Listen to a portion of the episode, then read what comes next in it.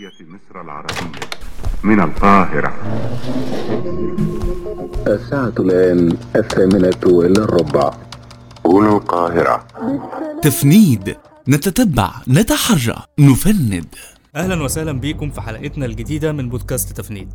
هكون معاكم أنا محمد طلبة وزميلي أحمد شعبان. هنتكلم مع بعض النهارده عن الحق في الحصول على المعلومة ومكافحة التضليل. لكن في البداية هنقول لكم ملخص لحصاد شغل فريق اعمالنا في مصر خلال الفترة الماضية وأبرز التصريحات والبيانات الرسمية اللي كان فيها مشاكل. خليكم معانا.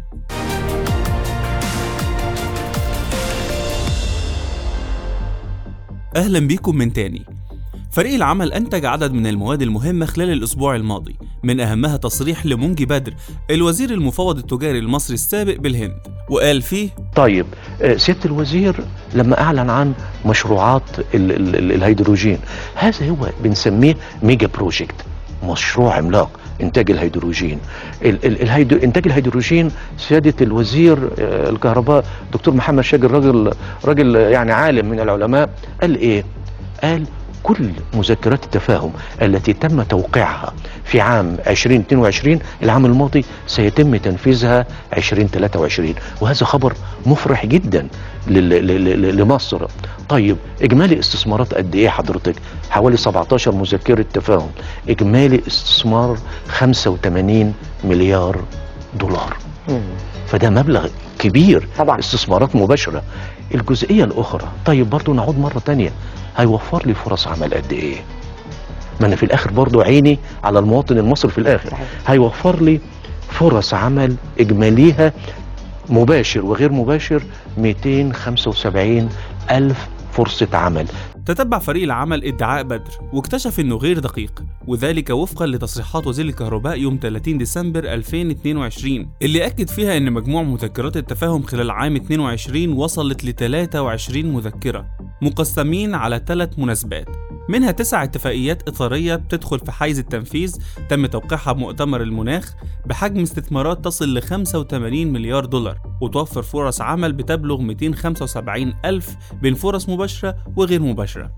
بينما لم تعلن الوزارة عن إجمالي حجم الاستثمارات الخاصة بالاتفاقيات ال 23 مجتمعة وكذلك حجم فرص العمل المتوقعة منها. وفي 25 أغسطس 22 شهد الدكتور مصطفى مدبولي رئيس مجلس الوزراء مراسم توقيع سبع مذكرات تفاهم جديدة لتنفيذ مشروعات إنشاء مجمعات صناعية بهدف إنتاج الهيدروجين الأخضر داخل المنطقة الصناعية في العين السخنة.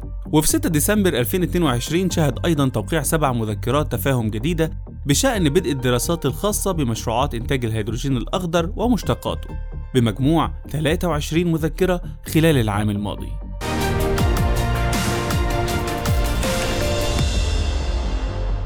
من الموضوعات المهمة اللي اشتغلنا عليها كمان تصريح ناجي الشهابي نائب محافظ الجيزة. قال فيه إن مصر بتشهد زيادة في السكان دون أن يحدث تمدد ديموغرافي وغالبية التمدد بيحدث داخل الرقعة الزراعية فقط. فريق العمل تتبع التصريحات دي ولقينا إن هي غير دقيقة. لأن وفقا لبيانات وزارة الإسكان والتخطيط لقينا إن في بالفعل تمدد عمراني خارج الرقعة الزراعية في الظهير الصحراوي للمدن. لكن اللي لقيناه إن في تضارب كبير في تقدير المساحة المعمورة في مصر بين كلام وزارة الإسكان وبياناتها ومسؤوليها من جهة وبين وزارة التخطيط من جهة أخرى. بيانات الإسكان بتقول إن مساحة المعمور في مصر وفقا لآخر التقديرات وصلت ل 13% بعد ما كانت أقل من 7% الكلام ده اختلف مع تقرير وزارة التخطيط اللي صدر في يوليو 2022 واتنشر عبر الصفحة الرسمية للوزارة. التقرير ذكر إن مستهدفات خطة العام المالي 2022-2023 هي زيادة مساحة المعمور في مصر إلى 9%. لكن في جميع الأحوال في بالفعل خطة للتوسع خارج الرقعة الزراعية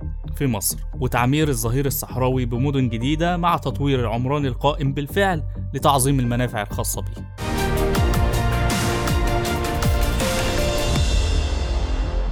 آخر موضوع معانا في الفترة دي تصريح وليد طغان رئيس تحرير مجلة صباح الخير قال المشروعات القومية في سوهاج والطفرة في الصعيد غير مسبوقة.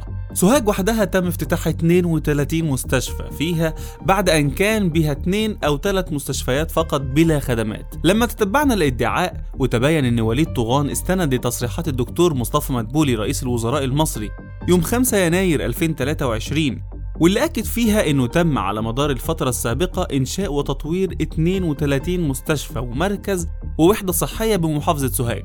ورجعنا لبيانات الجهاز المركزي للتعبئة العامة والإحصاء للتحري عن الأرقام.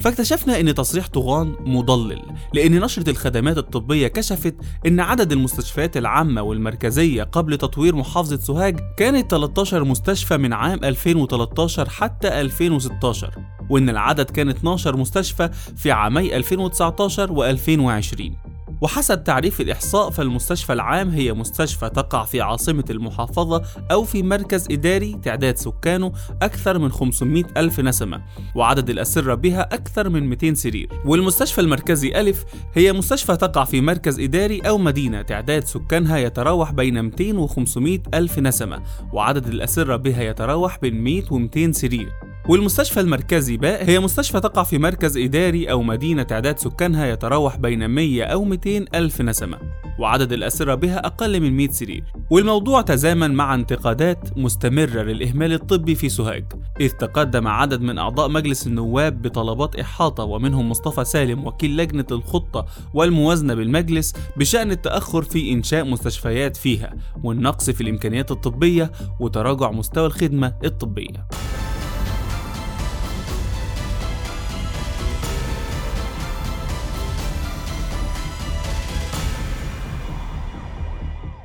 في اليوم الدولي لتعميم الانتفاع بالمعلومات نشر موقع الأمم المتحدة مقال بعنوان الحق في المعرفة إعادة البناء بشكل أفضل مع الوصول للمعلومات.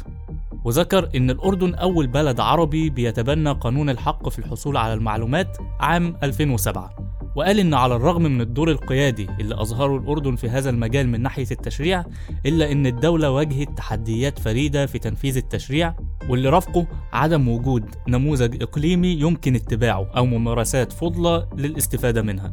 المقال ذكر إن الحكومة الأردنية أدركت أوجه القصور واقترحت إعداد مجموعة جديدة من التعديلات المصممة لمؤامة القانون مع المعايير الدولية. وباء كورونا كشف عن مدى أهمية احترام الحق في الوصول للمعلومات. وإن تكون المعلومات الدقيقة الموثوقة متاحة للجميع عشان اتخاذ القرارات من قبل كل من الحكومات أو المواطنين وهو مكسب لكلا الطرفين. وذكر قصة الشابة ميساء وهي صيدلانية أردنية كانت مترددة في البداية بشأن الحصول على اللقاح المضاد لكورونا وحاولت إقناع الآخرين بعدم الحصول عليه. لم تكتفي ميساء بداية بعدم الحصول على اللقاح وإنما كانت بتعتقد بأنه لا يزال في طور التجربة وشككت في فعاليته. إضافة إلى تصديقها بما يتداول من معلومات مضللة أخرى انتشرت حول اللقاح. ميساء ما غيرتش رأيها إلا بعد مشاركتها في جلسات التوعية المقدمة بالشراكة مع الأمم المتحدة في أحد مراكز صحة الأمومة وأتيحت لها الفرصة لطرح تساؤلاتها والحصول على معلومات علمية ودقيقة حول اللقاح. وكان التغيير بعدها إنها حصلت على اللقاح وقررت كمان الانضمام لجلسات التوعية كمتطوعة وتمكنت كمان من إقناع غيرها بأخذ اللقاح. المعلومات المضللة بتنتشر بسرعة وأهم وسيلة للقضاء على المعلومات المضللة تكون من خلال نشر الحقائق وتعزيز الوصول للمعلومات بنفس السرعة. المعلومات المضللة أو الكاذبة بتقوض الثقة وبتعرض الوصول للمعلومات الموثوقة للخطر. الشائعات في حالة لقاحات كورونا أعاقت جهود التطعيم في كل مكان. ووجب مكافحتها بفتح المجال لحرية التعبير والوصول للمعلومات. لأن حرية التعبير والرأي تشمل الحق في الوصول للمعلومات وهي حق من حقوق الإنسان يجب ضمانه. ومن الضروري تمكين الناس من إن هم يكونوا جزء من الحلول والدفاع عن حقهم في التعليم والرعاية الصحية والمساواة بين الجنسين والعدالة وتحقيق التنمية المستدامة عشان يتم شمول الجميع بمكتسبات التنمية دي. وبكده نكون وصلنا لنهاية حلقتنا النهاردة. كنت معاكم أنا محمد طلبة. وزميلي أحمد شعبان وبودكاست تفنيد.